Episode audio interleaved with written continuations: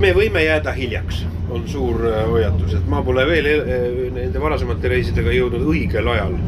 mis tähendab see, et et, et, et siis võib juhtuda, et võime mitu tundi hiljaks jääda. milles on trikk, trikk on selles, et äh, rong peab sõitma, noh, tegelikult ta sõidab ebanormaalselt kaua, kui vaadata seda tempot. Äh, või noh, kui vaadata seda, tegelikult on ju noh, eks ta enam-vähem otseliin läheb meil praegu äh, äh, ütleme siis nagu vertikaaljoonena me läbime või horisontaaljoonena me, kui maakaarti vaadata, läbime Ukrainat.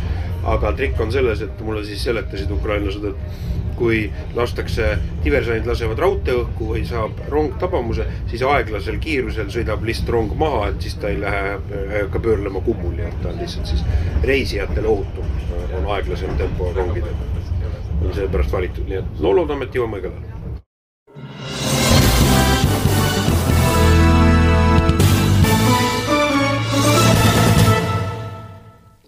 Tere, hea Delfi erisaate kuulaja, mina olen saatejuht Herman Kelomees, te kuulsite äsja välisminister Urmas Reinsalut, kui ta oli äh, kuu aega tagasi teel Kiievisse koos oma Põhja-Balti kolleegidega, külastama nii president Volodõmõr Zelenskõid kui ka oma kolleegi Dmõtro Kulebat, kes siis sellesama rongiga tagasi reisis. see on siis taustamüra, mida te sealt kuulsite. Ehm, tänase saate jooksul te kuulete meenutusi sellest rongisõidust äh, veel üksjagu teiste Põhja-Balti ministrite esituses ja, ja seda hoomamatut aastat meenutama ja mõtestama äh, on tulnud täna minuga Välisministeeriumi kantsler Jonatan Vseviov, tere! tere, tere! millal siis saabub tagasi see aeg, kus saab äh, Kiievi vahet taas lennukiga reisida? siis, kui sõda läbi saab. Äh, ja millal see täpselt toimub, ei tea keegi, ma tahan loota, et see on lähemal, kui enamus vaatlejaid ennustab, praegu on väga populaarne osundada sellele, et sõda võib kesta ka väga kaua, no mis seal salata, ta võib, eks see ennustamine on tänamatu töö. meie kõik jõupingutused on suunatud sellele, et äh, sõda võimalikult kiiresti läbi saaks, nõnda et need meiegi julgeolekut tagavad põhimõtted ka püsti jääksid. Äh, territoriaalse terviklikkuse, suveräänsuse printsiibid äh, on ju need, mis on siin selles sõjas kaalul mitte pelgalt Ukraina territoriaalne terviklikkus ja suveräänsus, vaid nende põhimõtete kehtivus üldse. nii et meie tahame rahu, me tahame seda võimalikult ruttu ja me tahame seda viisil, mis äh, annab võimaluse rahu säilimiseks äh, ka järgnevatel kuudel ja aastatel.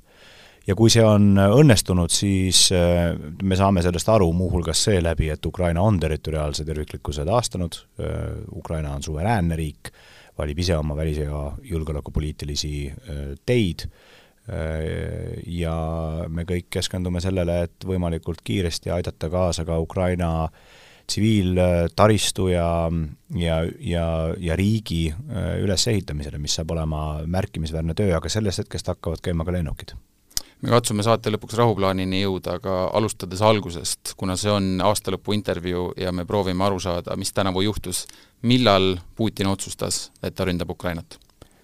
Tõenäoliselt Äh, on neid otsuseid olnud mitu, äh, põhimõtteline otsus selle osas, et ta ei saa lubada Ukraina edukat äh, demokratiseerumist, on päris ammune.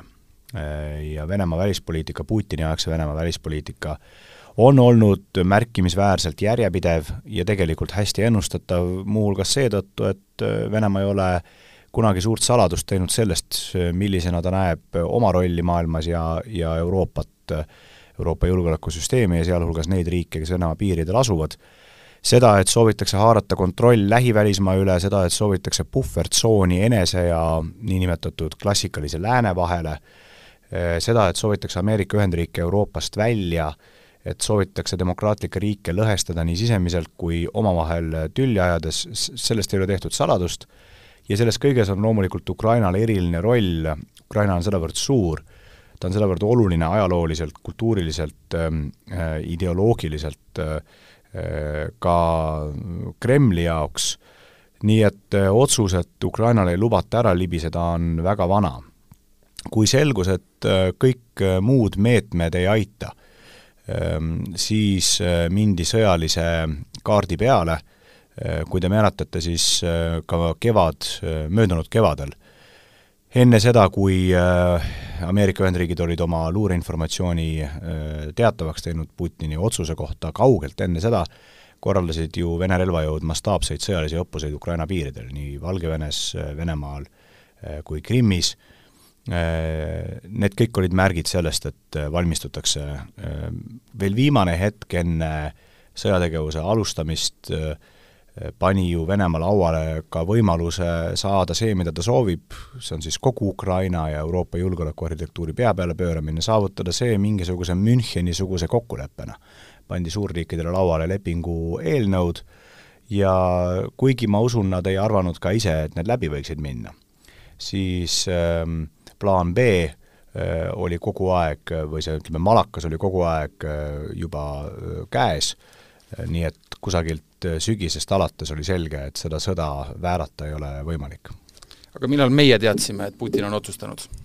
seda, et asi sinna suunda liigub, teadsime me juba mõnda, või aimasime me, oleks õigem öelda, juba mõnda aega. Ukraina strateegiline olulisus oli meie jaoks selge juba kahe tuhande neljateistkümnendal aastal, kui toimus Maidan, kui annekteeriti Krimm, algas Donbassi sõda, tegelikult juba ju ka varem, miks me toetasime kogu aeg ja järjepidevalt Ukraina euroatlantilisi püüdluseid, kui ta neid püüdluseid väljendas, olime meie alati toetajate seas. Juba Bukaresti tippkohtumisel, NATO tippkohtumisel kahe tuhande kaheksandal aastal olime meie need või nende seas, kes äh, taotlesid võimalikult selget sõnumit liikmelisuse tegevuskava osas nii Ukrainale kui Gruusiale, sest me saime juba toona aru, et mingisugust halli ala Euroopa, see on siis demokraatliku maailma, ja Venemaa vahel ei ole võimalik jätkusuutlikuna hallina hoida ja kui me tahame mängida strateegilist rolli omaenda tuleviku kindlustamisel, siis me peame seda halli ala ka ise kujundama, toetama kõiki neid, kes soovivad sealt hallist alast murda välja õigusriigi, demokraatia noh, nii-öelda üldistatult lääne suunas. et see asi võib minna sõjaks, noh seda nägime selgelt kahe tuhande neljateistkümnendal, et see asi võib minna väga suureks sõjaks sellest olid märgid noh, ma ütlen hiljemalt äh, kevadel, aga ma arvan, et äh, ka umbes aasta enne seda. miks me muidu seal Ukrainas sedavõrd intensiivselt ka kohal käisime. mis me tegime, kuidas me valmistusime selleks, et võib puhkeda suur sõda? no põhiline oli hoida Ukraina temaatikat meie liitlaste radariekraanidel. mida suurem riik, seda laiemad huvid maailmas, ähm, seda suurem oht, et see, mis meie jaoks tundub eluline, võib nende jaoks kas äh, kogemata või või lihtsalt paratamatusena mm, äh, radariekraanilt välja libiseda, tähelepanu alt välja liikuda ja ja seetõttu meie üks põhilisi jõupingutusi oli hoida pidevalt äh, päevakorral Ukrainat, tema julgeolekut, tema soove. president Kersti Kaljulaid, kui ta veel oli Vabariigi Presidendi ametis, oli esimene lääne riigijuht, kes külastas Ida-Ukrainas rindejoont. Äh, ma olin temaga sellel visiidil kaasas, ta oli esimene äh, lääne riigijuht, kes äh, külastas ka neid üksuseid, mis rindejoont toona Ukraina poolt hoidsid, ähm, käisime mm, mingisuguses pataljoni tasandi juhtimispunktis, mis oli maasse kaevunud, saime seal kohapealseid ülevaateid, mitmed-mitmed kuud hiljem üks tuntud lääne mm, poliitik käis sealsamas ja pani üles Twitterisse pildi, et ta on äh, esimene lääne poliitik, kes äh, nii kaugel on käinud ja meil oli siis hea meel teda parandada, et sugugi mitte. Ja ma mäletan veel väga selgelt, äh, külastas ka vabariigi toonane president. Ühte neist ähm, toona lahti olnud ähm, kontaktpunkti noh, neid ülekäigukohtadest, kus oli võimalik siis liikuda okupeeritud alade ja, ja Ukraina vahel. Mm, ja meiega oli kaasas arusaadavalt tohutu hulk maailma meediat, ja sellegi eesmärk ei olnud mitte ise käia kohapeal oludega tutvumas, ega seal ütleme, faktiline teadmine oluliselt ju ei paranenud, jah, tunnetus ehk, aga mitte faktid, fakte on võimalik ka kaugelt äh, endale teatavaks teha. aga eesmärk oli tõmmata tähelepanu või hoida, aidata hoida tähelepanu. presidendi visiit aitas sellele kaasa, eks teda tuldi sinna kajastama, et Euroopa, keset Euroopat tegelikult on üks arm, äh, mida me ei tohi ära unustada also we are now very fast approaching the um, the annual or the, the I, I hesitate a bit of calling it an anniversary but the date when Russia delivered its ultimatum to the world and also to Sweden and Finland regarding the security situation uh, saying that you are not allowed to decide on your own uh, you know your your, your, your own uh, security arrangements. Um, you're not allowed to apply for membership in NATO. You are not allowed to do what you think are best. You are in, in, in some way in a sphere of interest where Russia will decide what is best for you. That ultimatum, I think, so somehow decided. That was a decisive moment. The invasion of Ukraine, just a few weeks and months later, was a seal, a stamp of that. But the ultimatum itself showed Yeah. very clearly where, where Russia was was uh, was heading.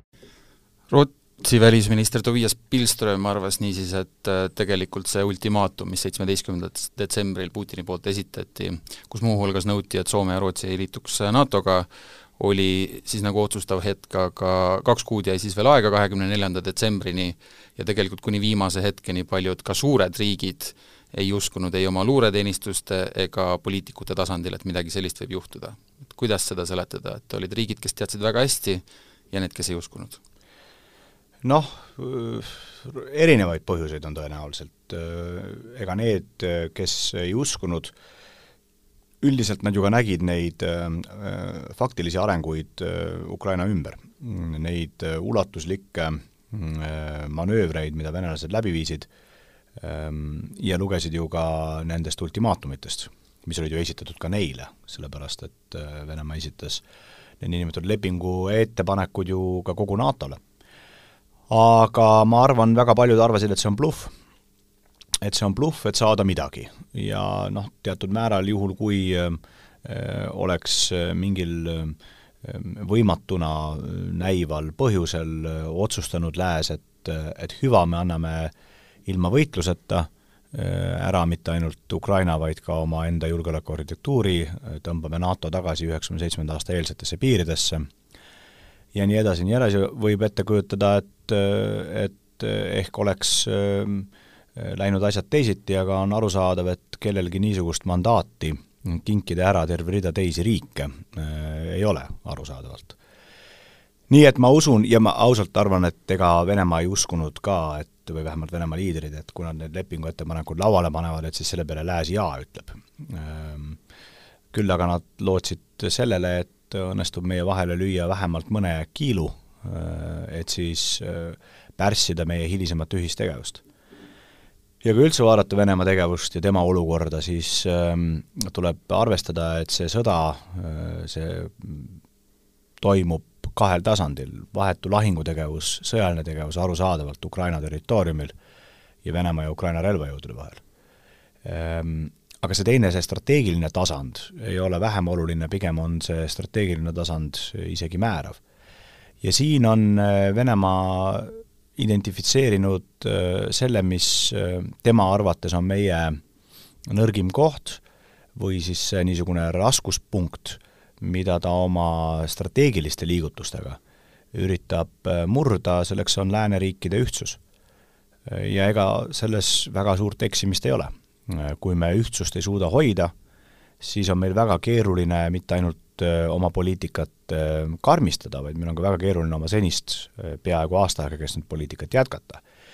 sest ähm, enamus neid meetmeid, mida me oleme heaks kiitnud, need eeldavad ka pikendamiseks Euroopa Liidu liikmesriikide konsensust, need eeldavad seda, et me tegutseme absoluutselt täielikus harmoonias selliste võtmeliitlastega nagu Ameerika Ühendriigid, Ühendkuningriik, meie jõud tuleneb sellest, et me tegutseme koos ja ma arvan, et äh, ei ole nii naiivset inimest äh, ka Kremlis, kes usuks, et äh, Venemaa suudab oma ressursse arvestades läänest üle olla poliitiliselt või majanduslikult ammugi siis sõjaliselt.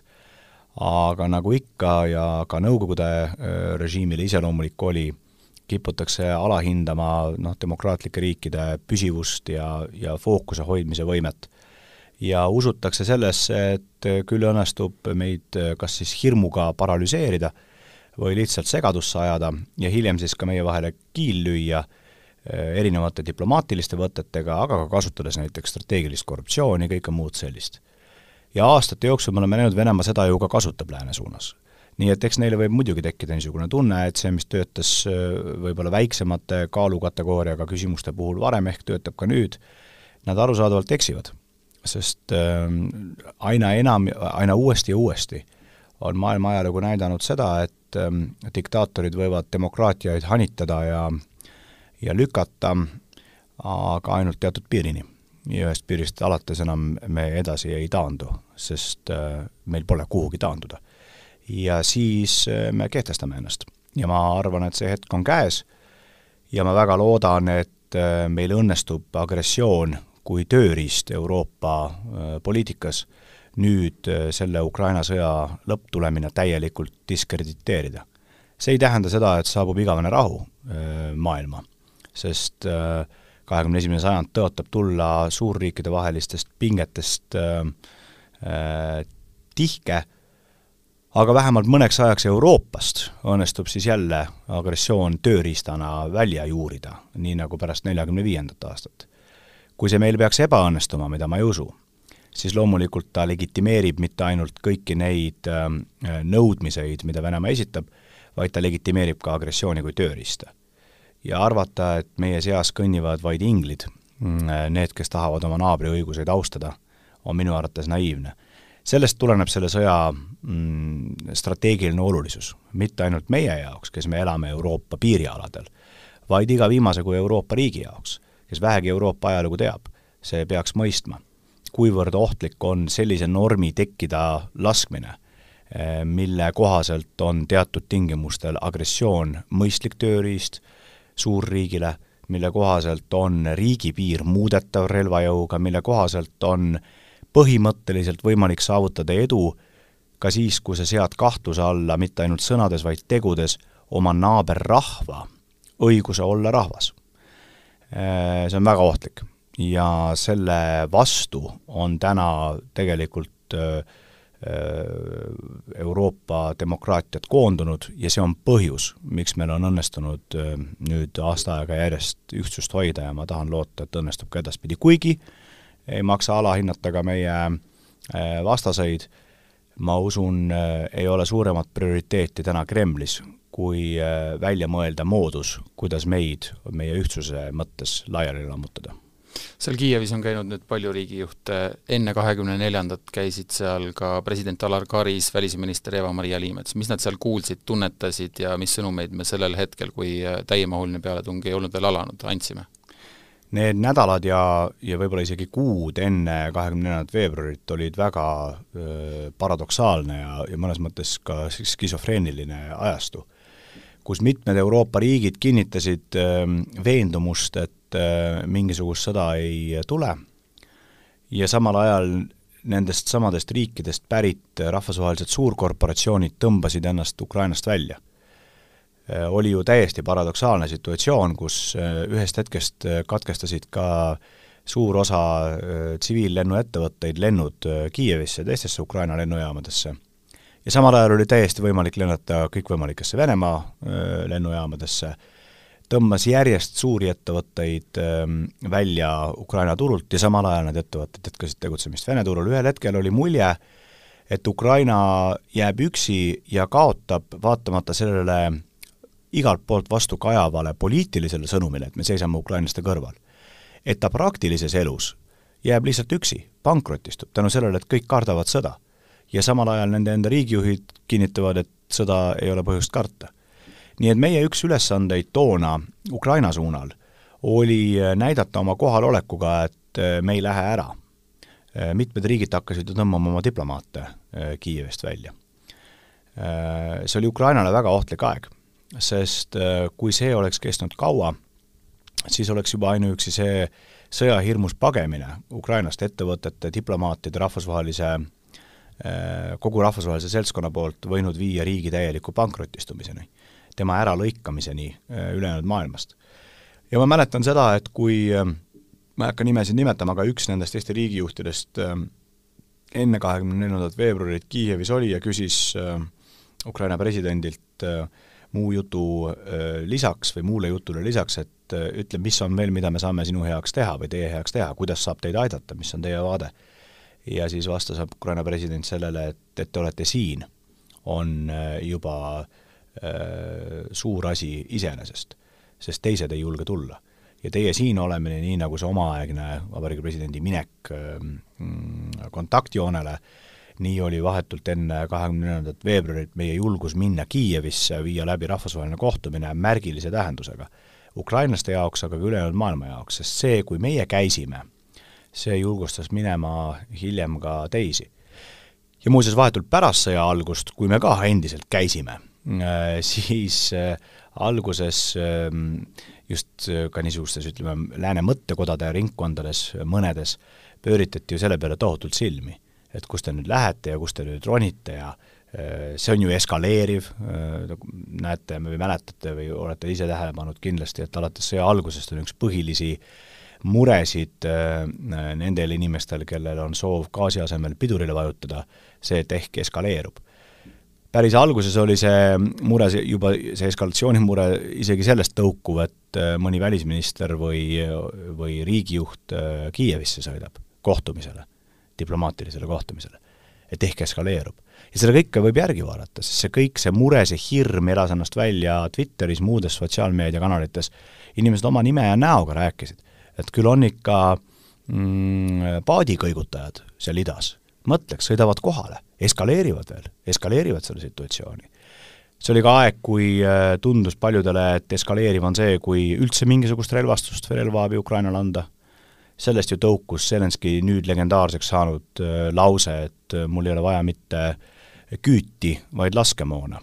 sest kõik ütlesid, et tule nüüd äh, kiiresti Kiievist ära.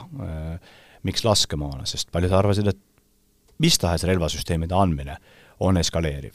ja mida me oleme näinud, me näeme seda, et Lääs õpib üsna kiiresti, noh, võib-olla ajaloolises perspektiivis vaadates ka frustreerivalt aeglaselt, aga ta siiski õpib ja see, mis veel kuu aega varem tundus tohutult eskaleeriv ja kõne alla mitte tulev, see on kuu aega hiljem juba sellesama enda riigi poolt äh, antava abi nimekirjas või tehtavate sammude nimekirjas. Äh, kõik need debatid, me ei tohi mingil tingimusel äh, sanktsioneerida Putinit ennast, sellepärast et see võib olla eskaleeriv. me ei tohi mingil tingimusel võtta SWIFTist välja suuri Venemaa panku, sest see on eskaleeriv me ei tohi mingil tingimusel anda raskerelvastust, sest see on eskaleeriv ja nii edasi ja nii edasi, me oleme näinud, lääs areneb, õpib ja väikeriikide roll, ma arvan, ka meie roll, on olla siin ka julgustaja ja teenäitaja rollis. meil ei ole nii palju jõudu ja musklit, et üksi liigutada mägesid, aga me võime olla esimene, kes ütleb, et et äh, seda mitte ainult ei ole mõistlik teha, vaid seda võib teha, seda saab teha, me saame hakkama. ja nii olid toona ka need meie riigijuhtide visiidid, äh, suunatud mitte ainult sellele, et minna kohale ja midagi öelda ja midagi kuulda, vaid näidata muuhulgas ka meie liitlastele, et saab küll ja miks teie siis ei saa. ja tänaseks on käinud praktiliselt kogu vaba maailma juhtkond äh, Kiievis, aga kes alustas? kes esimesena läks? kes selle tee lahti lükkas? Me ei taha selle eest saada mingisugust tunnustust või kinnitust, et me oleme õigel teel olnud. mõned mõtlevad, et küll meil on tore kuulda seda, et et äh, vot oleks pidanud Balti riike kuulama, vot teil õigus, vähimalgi määral ei ihale selliste avalduste järgi. mida me ihaleme, on, et äh, kiiresti ja kohe õigesti käitutaks, õigeid asju tehtaks ja see tänu post factum kümme aastat hiljem, noh, sellega ausalt öeldes pangas midagi peale hakata ei ole I have listened to the Baltic states talk about Russia for many, many years. And I remember when I was, you know, I was I was once political advisor to a Minister of Interior many years ago. Uh, and I remember we went to meetings and she was talking to her colleagues from the Baltics at that time. And I remember, I just remember the words they used about Russia. Uh, and for me it was kind of shocking to hear at that point, at that time, because for generalized Icelander, you know, Russia wasn't a real threat. It was just not something that we thought about. Um, so I have said after, you know, February, and we should have said it more clear 2014, that the Baltics was, you know, they, you were right. Um, and you in my personal opinion, you you you do it very delicately and and kind of uh, nice. That you don't say very loud, like I told you so, but I'm sure you think about it very often.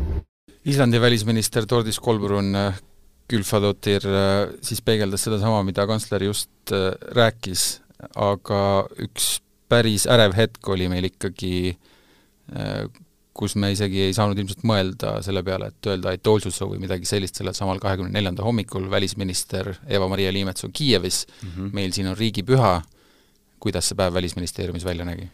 jaa, ma kohe räägin, kuidas ta nägi välja, ma ütlen veel äh, selle Islandi välisministri mõttest tõukudes kaks asja, punkt üks, äh, Islandil oli ka õigus.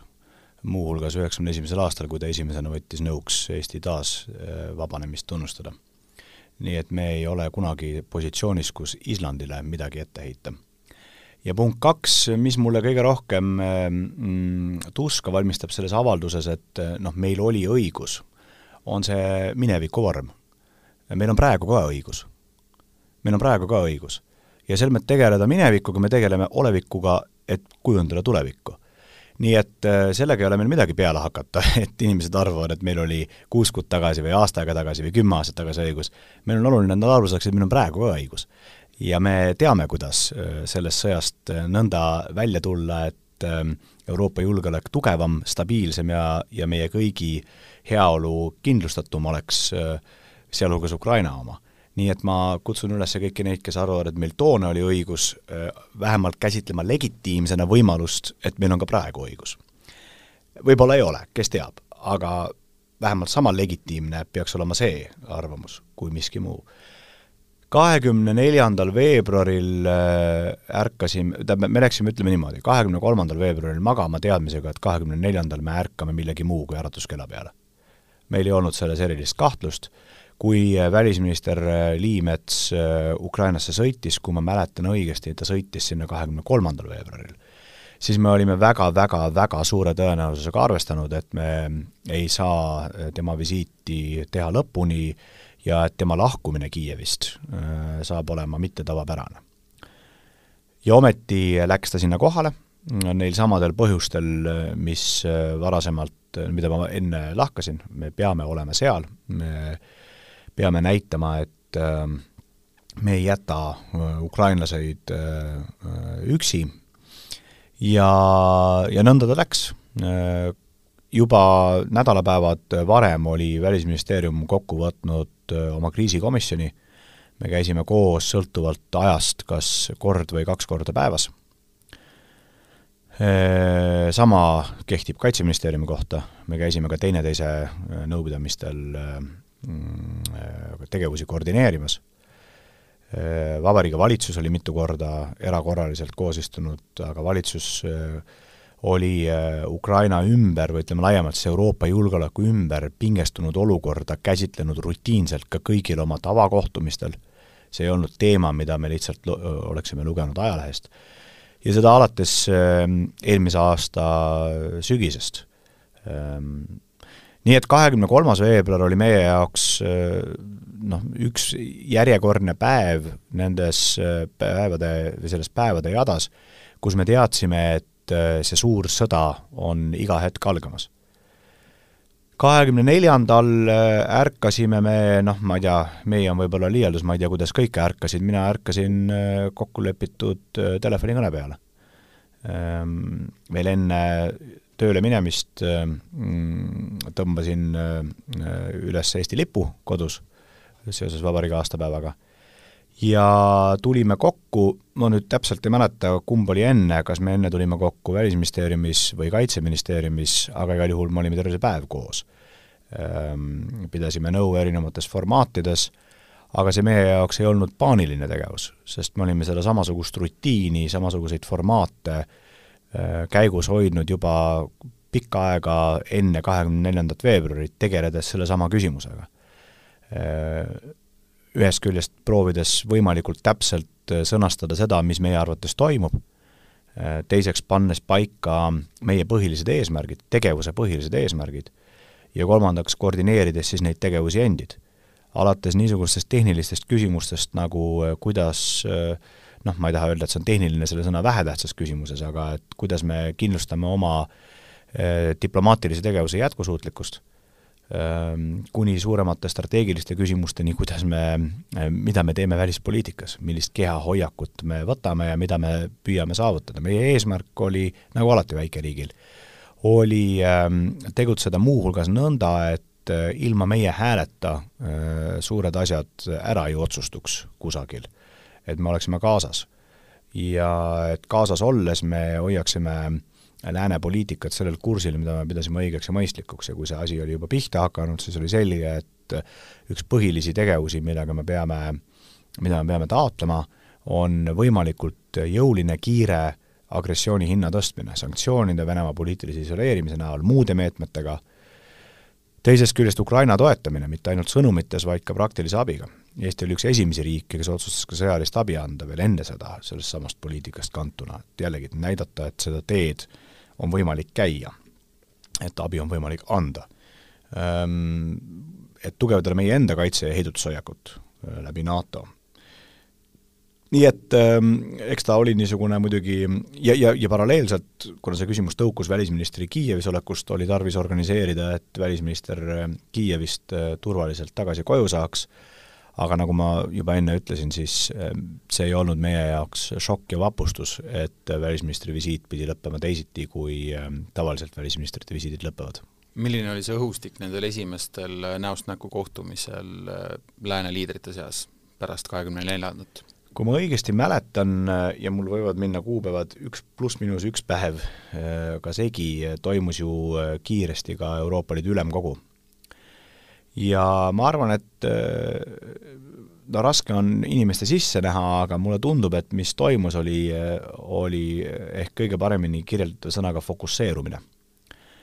et midagi oli juhtunud, äh, mis on väga oluline, kõik said sellest kohe aru, paljud olid seda oodanud, paljudel oli see tõeline üllatus, et see tõesti nii läks, aga ka nende jaoks ei olnud ta faktiliselt üllatav, selles mõttes see informatsioon oli ju levinud, äh, seda oli arutatud ka mitmepoolsetes formaatides äh, kuid äh, varem.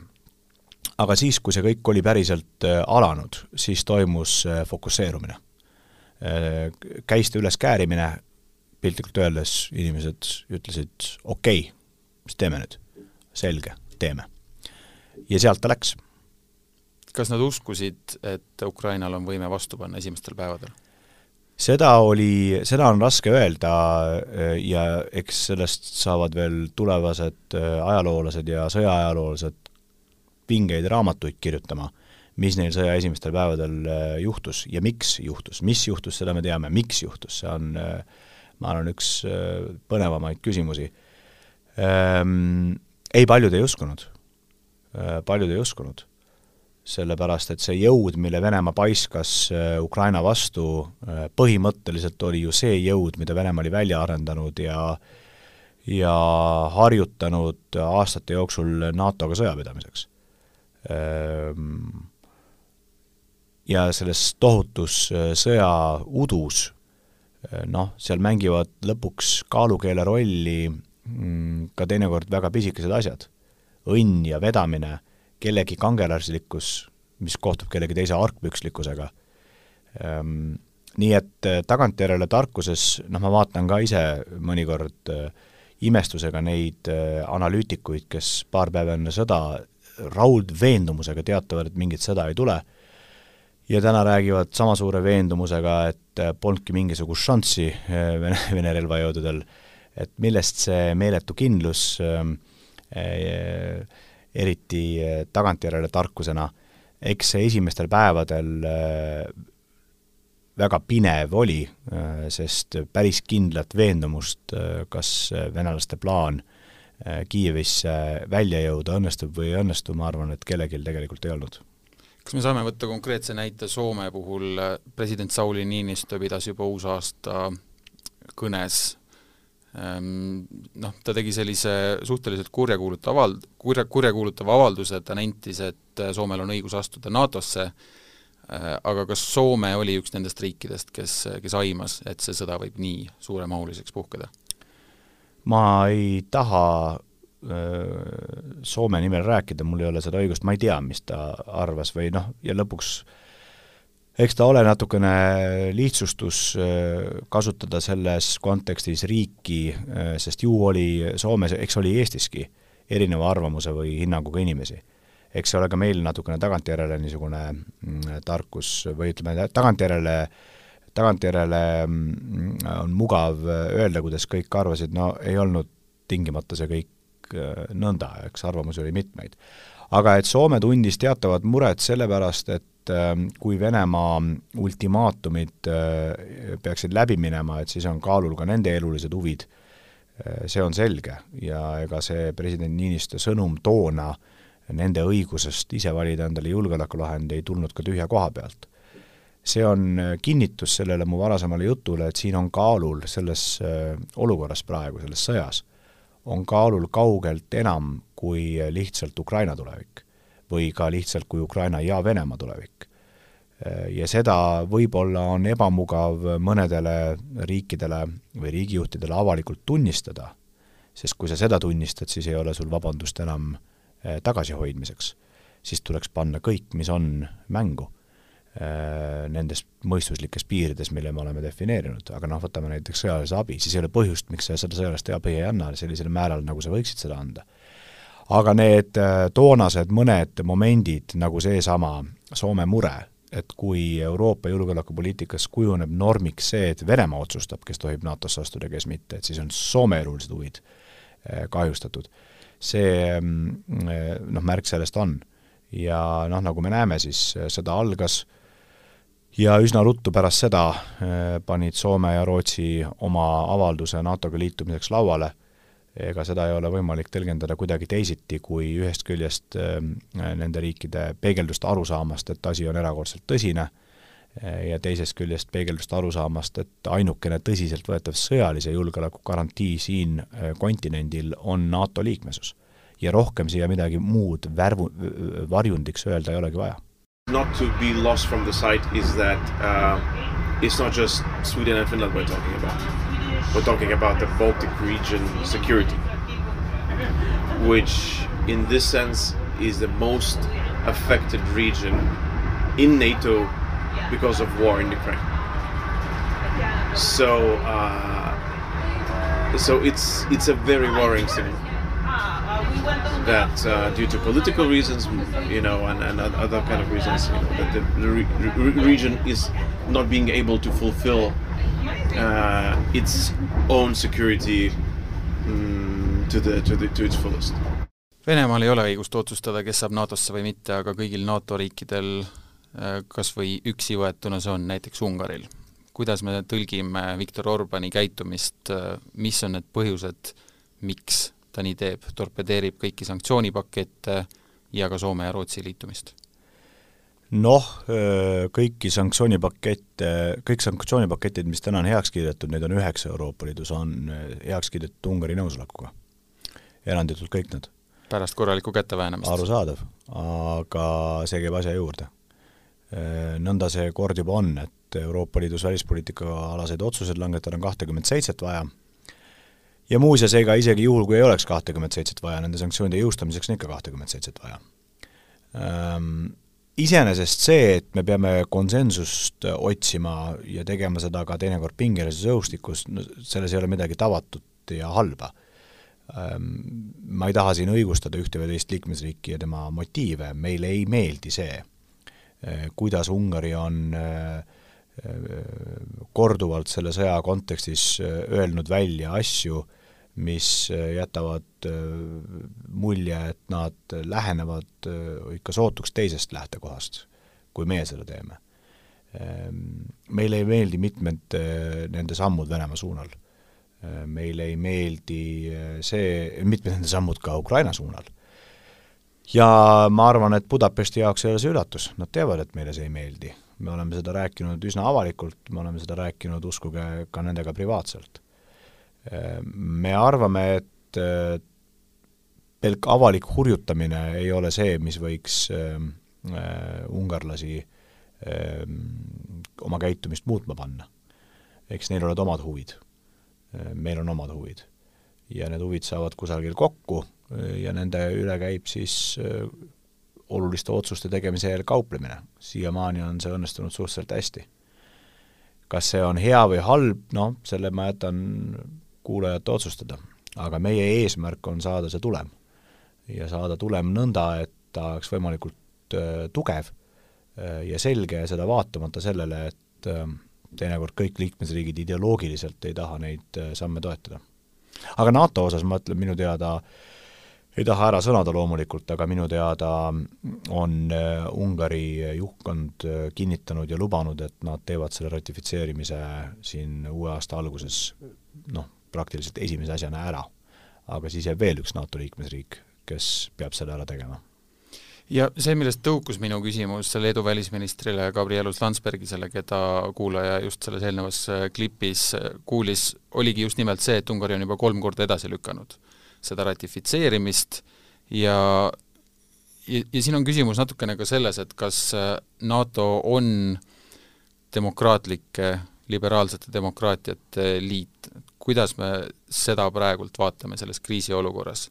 see on justkui niimoodi mõeldud, aga Ungari ei ole ainukene riik, kellel on probleeme nende asjadega.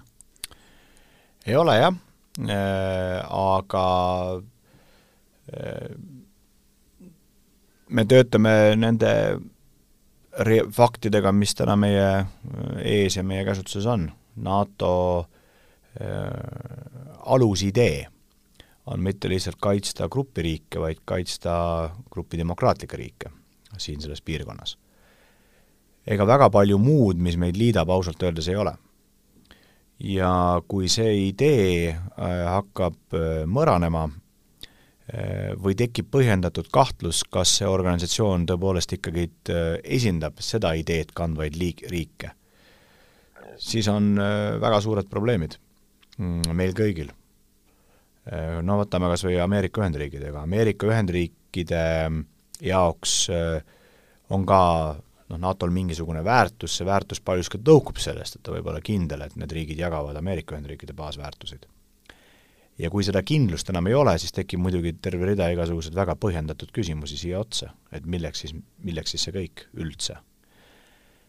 nii et äh, kui tahta sõnastada seda kõige suuremas äh, üldistusastmes meie välispoliitika äh, strateegilist eesmärki, siis ta on kahetine, et meie püsiksime läänes, seda esiteks, aga teiseks, et see lääs üleüldse ise püsima jääks mis on ka probleem mitte ainult äh, välispoliitika jaoks, vaid ka paljuski meie sisemiste arengute probleem.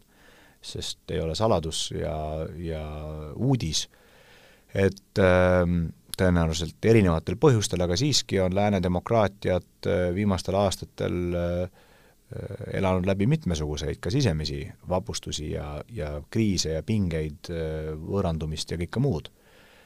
me peame sellest kõigest läbi tulema kui lääs ja seda mitte geograafilises tähenduses, vaid just poliitilises. ja see poliitiline tähendus äh, muuhulgas hõlmab seda, et me jagame teatud baasväärtuseid äh, ja käitume nende kohaselt.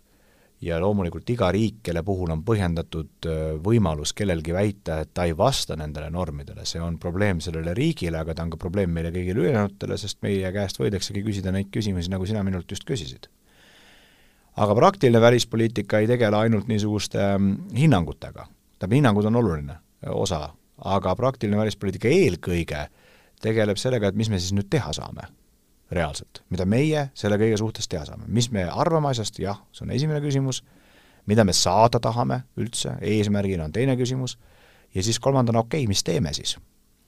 ja väga sageli on nõnda, et ähm, mingite mõtete avalik väljaütlemine võib olla vastuolus sellega, mida me tegelikult teha tahame või äh, saavutada tahame ja see mitte ei ole märk sellest, et me arvame kuidagi teisiti, vaid äh, tõukuda soovist äh, saavutada mingit tulemit. mis võib teinekord olla midagi väga praktilist ja käegakatsutavat, nagu mingisuguse otsuse ratifitseerimine näiteks selle liitlasriigi parlamendis. kas te meie märtsivalimisi ka kardate olete valmis igasuguseks ministriks? ei, vastupidi, mina äh, nagu ka sina ajateenistuse läbinuna olen andnud ka lausa vande kaitsta demokraatlikku Eesti Vabariiki, nii et vastupidi, mina rõõmustan selle üle, et Eestis regulaarselt valimised toimuvad ja ka selle üle, et erinevalt võib-olla niisugustest jutumärkides rahvademokraatiatest, mis ka ennast demokraatiaks nimetavad, on Eestis valimiste eel võimalik päris põnevil olla, et ei tea, kes võidab. sest sellist olukorda, kus me valimisi ei korralda või äh, samaväärsena, korraldame küll valimisi, aga alati teame, kes võidab, no seda olukorda me ei taha ja selle vastu me ju tegutsemegi. oleks lihtsalt huvitav mõne vängema, vängema ministri puhul, et milline näeks välja meie välispoliitika meediaplaan, aga võib-olla saame rääkida natukene sellest, et kuidas me jõudsime selleni, et meie peaministrist sai rahvusvaheline meediastaar, kuidas me otsustasime selle, kuidas me eetrisse saame, mis sõnumeid me seame? no eetrisse saamisega on, on, on nõnda, et ähm, eelmised eetris olekud hästi palju mõjutavad sinu järgmist eetrisse saamist. et kui äh, sa oskad rääkida ja oled äh, huvitav, äh, siis meedia nii Eestis kui laia-, maailmas laiemalt on suurema tõenäosusega valmis sind uuesti eetrisse võtma. loomulikult positsioonist sõltub ka hästi palju, et tänaval võib vastu tulla inimene, kellel on väga teravmeelseid ja põnevaid mõtteid, aga ta ehk on keerulisemas olukorras uudisekünnise ületamise mõttes kui näiteks mõne riigi pea- või välisminister, arusaadav, positsioonist sõltub hästi palju. aga meie jaoks oli selge ja on alati selge olnud, et väike riik, see peab ühest küljest laveerima nende kahe äärmuse vahel, kus ühest küljest hääletut ei märgata ja teisest küljest räuskajat ei kuulata, me peame suutma oma sõnumeid, ka jõuliseid sõnumeid öelda välja viisil, mis ei ole räusklevad, eks ta ole tunnetuslik küsimus, see on äh, paljuski, ongi taju, et millal oleme me äh, piirile äh, lähedal, kust üle minna ei tasu, et auditoorium ei ehmuks või ei tõmbuks iseendasse, sest lõpuks ei ole meie eesmärk lihtsalt, mitte lihtsalt oma sõnumeid välja öelda, see on lihtne ülesanne. meie eesmärk on mõjutada sõnumi kuulajaid, mõtlema meiega samas suunas või noh, mitte ainult mõtlema, vaid ka tegutsema mingisuguses suunas, mida me soovime näha aga on täiesti klaarselge, et eh, isegi kui me võime pidada debatti selle üle, millise detsibelliga on mõistlik rääkida, siis me teame täpselt, millise detsibelliga on absoluutselt ebamõistlik rääkida ja selleks on null. vait istumist äh, ei äh,, oleme me proovinud ja see lõppes viiekümne aastase okupatsiooniga ja seda me uuesti ei proovi. nii et äh, väikeriigi äh, piiratud ressursside tingimustes on meie äh, üks olulisemaid relvi ähm, avalikkusega rääkimine, avalikult rääkimine ja rääkimine seda mm, sellelt pinnalt või tasapinnalt, mis kõnetab meie liitlaste kõige põhimõttelisemaid äh, baasväärtuseid. ja seda me oleme alates selle sõja algusest, tegelikult juba enne seda sõda, proovinud äh, maksimaalses ulatuses teha. mis on Eesti vaatest see parim võimalik uus maailmakord, mida on ka realistlikult võimalik saavutada? Maailmakord on võib-olla natukene liiga lai äh, termin, aga see julgeolekukord äh, ja korraldus Euroopas, mida on realistlik saavutada, on, äh, põhineb nendel samadel printsiipidel, mis kirjade järgi peaksid suunama meie elu juba praegu. selleks on agressiooni mitte, mitte pelgalt lubamatus, vaid ka karistatavus, agressiooni kui tööriista täielik delegitimeerimine, territoriaalse terviklikkuse ja suveräänsuse printsiipide, loomulikult ka rahvaste enesemääramisõiguse printsiipide eh, austamine mitte ainult sõnades, vaid ka praktilises poliitikas, eh, kõik need mõtted on kokku võetud ka kaugelt kuivemates juriidilistes tekstides, alates ÜRO hartast ja Helsingi lõppaktist, lugematust hulgas madalamat taseme või ambitsiooniga dokumentides üheksakümnendatest aastatest need põhimõtted peavad eh, taas kehtestuma ka praktikas ja mitte ainult Euroopa riikide omavaheliste suhete alusena, vaid ka mm, eh, suhete alusena meie naabritega, sealhulgas Valgevenega, sealhulgas Venemaaga, sealhulgas kõigiga, need tuleb taas jõustada, see on absoluutselt realistlik ja sellele puudub igasugune alternatiiv. Ehm, ja siis tuleb siit edasi liikuda, tuleb tugevdada neid institutsioone, mis meil on, Euroopa Liitu, mis juba nüüd äh, on äh, ennast äh, tõestanud kaugelt suurema geopoliitilise strateegilise äh, tegutsejana, kui paljud oleksid võinud veel aasta aega tagasi arvata, aga see ei tähenda, et meie teekond siin lõpeb, vastupidi, on tulnud täiesti ilmsiks kõik need kohad, kus Euroopal on kogu kodutöö praktiliselt tegemata, kus me sõltume endiselt ja sõltume liiga suurel määral meie liitlastest, eelkõige liitlastest Ameerika Ühendriikides. tuleb tugevdada NATO-t ja mitte ainult sõjaliselt, vaid ka äh, poliitiliselt, et see oleks tõepoolest see koht, kus me oma poliitikat koordineerime äh, julgeoleku küsimustes. tuleb adresseerida neid küsimusi, mis noh, ma enne nimetasin seda halli ala lubamatust demokraatliku maailma ja Venemaa vahel, et head suhted kõigi nendega, kes soovivad meie no lihtsustades öeldes klubiga liituda, me peame selle mitte ainult läbi mõtlema, vaid ka praktilisse poliitikasse panema selle protsessi, kuidas on võimalik avatud uste poliitikat praktikas rakendada nõnda, et me ei oleks vaid loosungitel ratsutavad.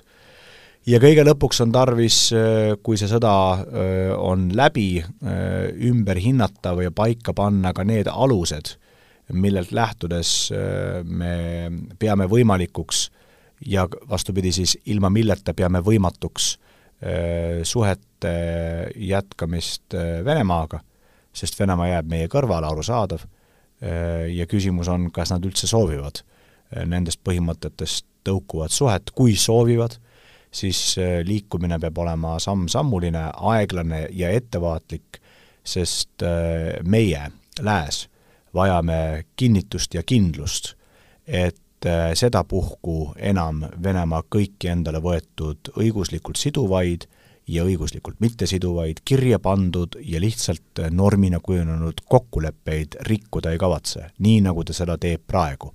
ja see nõuab pingutust, juhul kui nad seda soovivad Äh, mõlemalt poolt.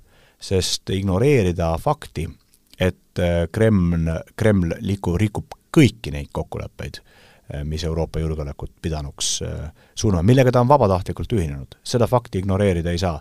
ja ilma elementaarse usalduseta ei ole mõtet sõlmida kõigi nende puruks rebitud ja jalge alla tallatud kokkulepete peale lihtsalt uut kihti järgmiseid. tähendab, Putini režiimiga ei ole kokkulepped võimalikud? no ma ei taha öelda nii jõuliseid avaldusi, sellepärast et need kõlavad muidugi väga hästi, kõik kokkulepped eeldavad seda, et äh, osapooled usuvad, et teine tahab neid kokkuleppeid järgida.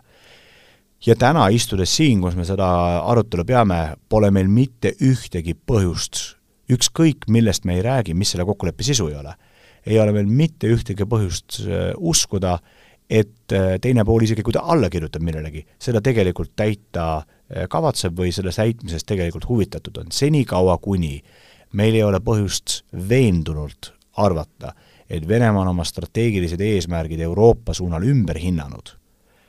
Ähm,, ei ole loomulikult äh, millestki muust äh, rääkida, no ma muidugi loomulikult utreerin, sellepärast et põhimõtteliselt saavad ka vaenutsevad pooled mõnedes nüanssides siiski midagi kokku leppida. Nii et ma võtan natukene seda utreeringut oma avaldusest välja, aga ma jään selle juurde, mida ma ütlesin põhilisena, selleks, et üldse midagi kokku leppida, peab olema võimalik uskuda, et teine pool tahab seda kokkulepet järgida.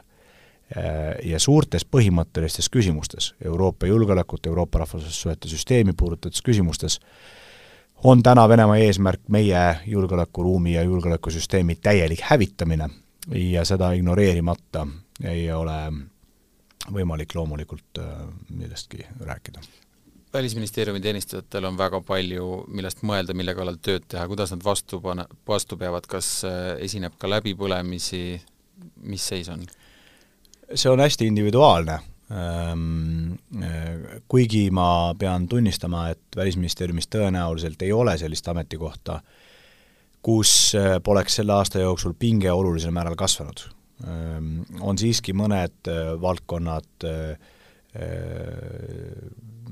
pingelisemad kui teised, ma, see on ebaõige sõnastus, ma õigem on vist öelda nõnda, on, et see töömaht ja selle töömahu plahvatuslik kasvamine ei ole toimunud mitte igal pool võrdses ulatuses.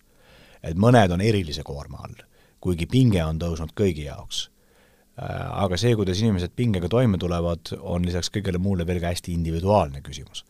mida aga ma arvan, võib öelda kogu välisteenistuse kohta, on see, et äh, vaatamata sellele, et on olnud raske ja noh, tööd on tehtud äh, siin mitte ainult vabade tundide, vaid ka unetundide arvelt ja mitte ainult puhkepäevadel, vaid ka riiklikel pühadel, puhkuseaegadel ja nii edasi, vaatamata sellele kõigele me oleme väga hästi hakkama saanud ja ma väga loodan, et ähm, mingi osa selles hakkamasaamises on ka noh, sellest teadmisest, et ähm, sõltumata sellest, kes on su vastas, noh, sa tead, kes on su kõrval ja et me võime üksteisele kindlad olla ja ja loota muuhulgas ka tagala toele.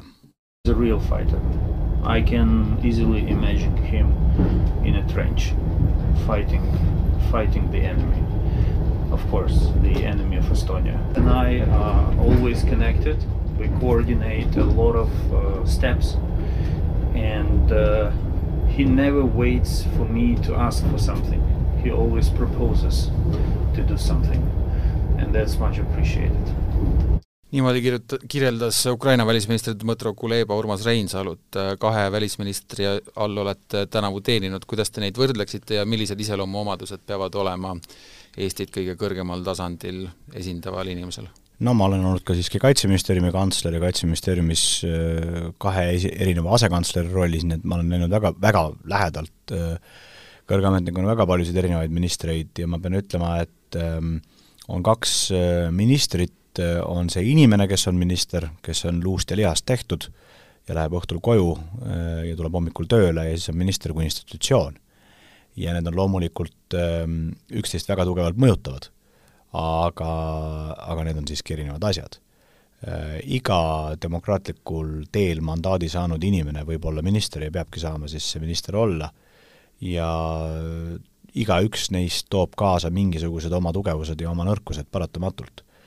Ähm, Eesti äh, riigijuhid, kes rahvusvahelisel areenil tegutsevad, peavad kõik omama noh, tervet rida igasuguseid iseloomujooni, mis on selles mõttes diskrimineeriv, et suurriigile antakse andeks, kui neid jooni ei ole ja kõik pööravad suurt tähelepanu, mida sellel inimesel on öelda ja teha, sest ta esindab suurriiki, Eesti puhul seda luksust meil ei ole, me peame ise küünte ja hammastega ennast radariekraanile rebima. On terve rida igasuguseid olulisi iseloomujooni, mida võivad kuulajad kõik ju ka ette kujutada, alates äh, tarkusest ja sõnaseadmise oskusest ja kõigest muust, aga on üks ressurss, mida ma tahan soovida ja soovitada ja alla kriipsutada kui eriti olulist ja see on julgus. julgus. sest eestvedaja, teenäitaja peab alati eranditult arvestama sellega, et ühel hetkel seisab ta üksi. siis, kui teised veel pole järgi tulnud. Ja sa ei ole mingisugune eestvedaja ja teenäitaja, kui äh, sa sellel hetkel seal üksi ei seisa sest siis sa oled lihtsalt grupis sees. ja siin tuleb olla väga tark loomulikult, sellepärast et üksi seismine võib tähendada ka kõike meie jaoks negatiivset ja halba. see on seesama, hääletut ei kuulata, aga samas räuskajat, või vabandust, hääletut ei märgata, aga räuskajat ei kuulata, nii et kui lihtsalt olla ühes nurgas ja räuselda, siis küsitakse samasuguses saates mõnes teises Euroopa riigis meie kohta, nõnda nagu sina ühe teise riigi kohta küsisid minu käest. ja seda me mingil juhul ei taha aga ükskõik, kui veendunud me ei ole oma õigsuses, enesekindlad oma äh, sõnumi äh, tarkuses ja täpsuses, kui meil ei ole julgust seda välja öelda ka olukorras, kus teised veel nii ei arva, siis ei ole meil üldse millestki rääkida. Ja see julgus äh, ei ole, no ju tal on mingisugused geneetilised eeltingimused ka, aga ma olen üsna veendunud, et ta ei ole äh, kerge mitte kellelegi.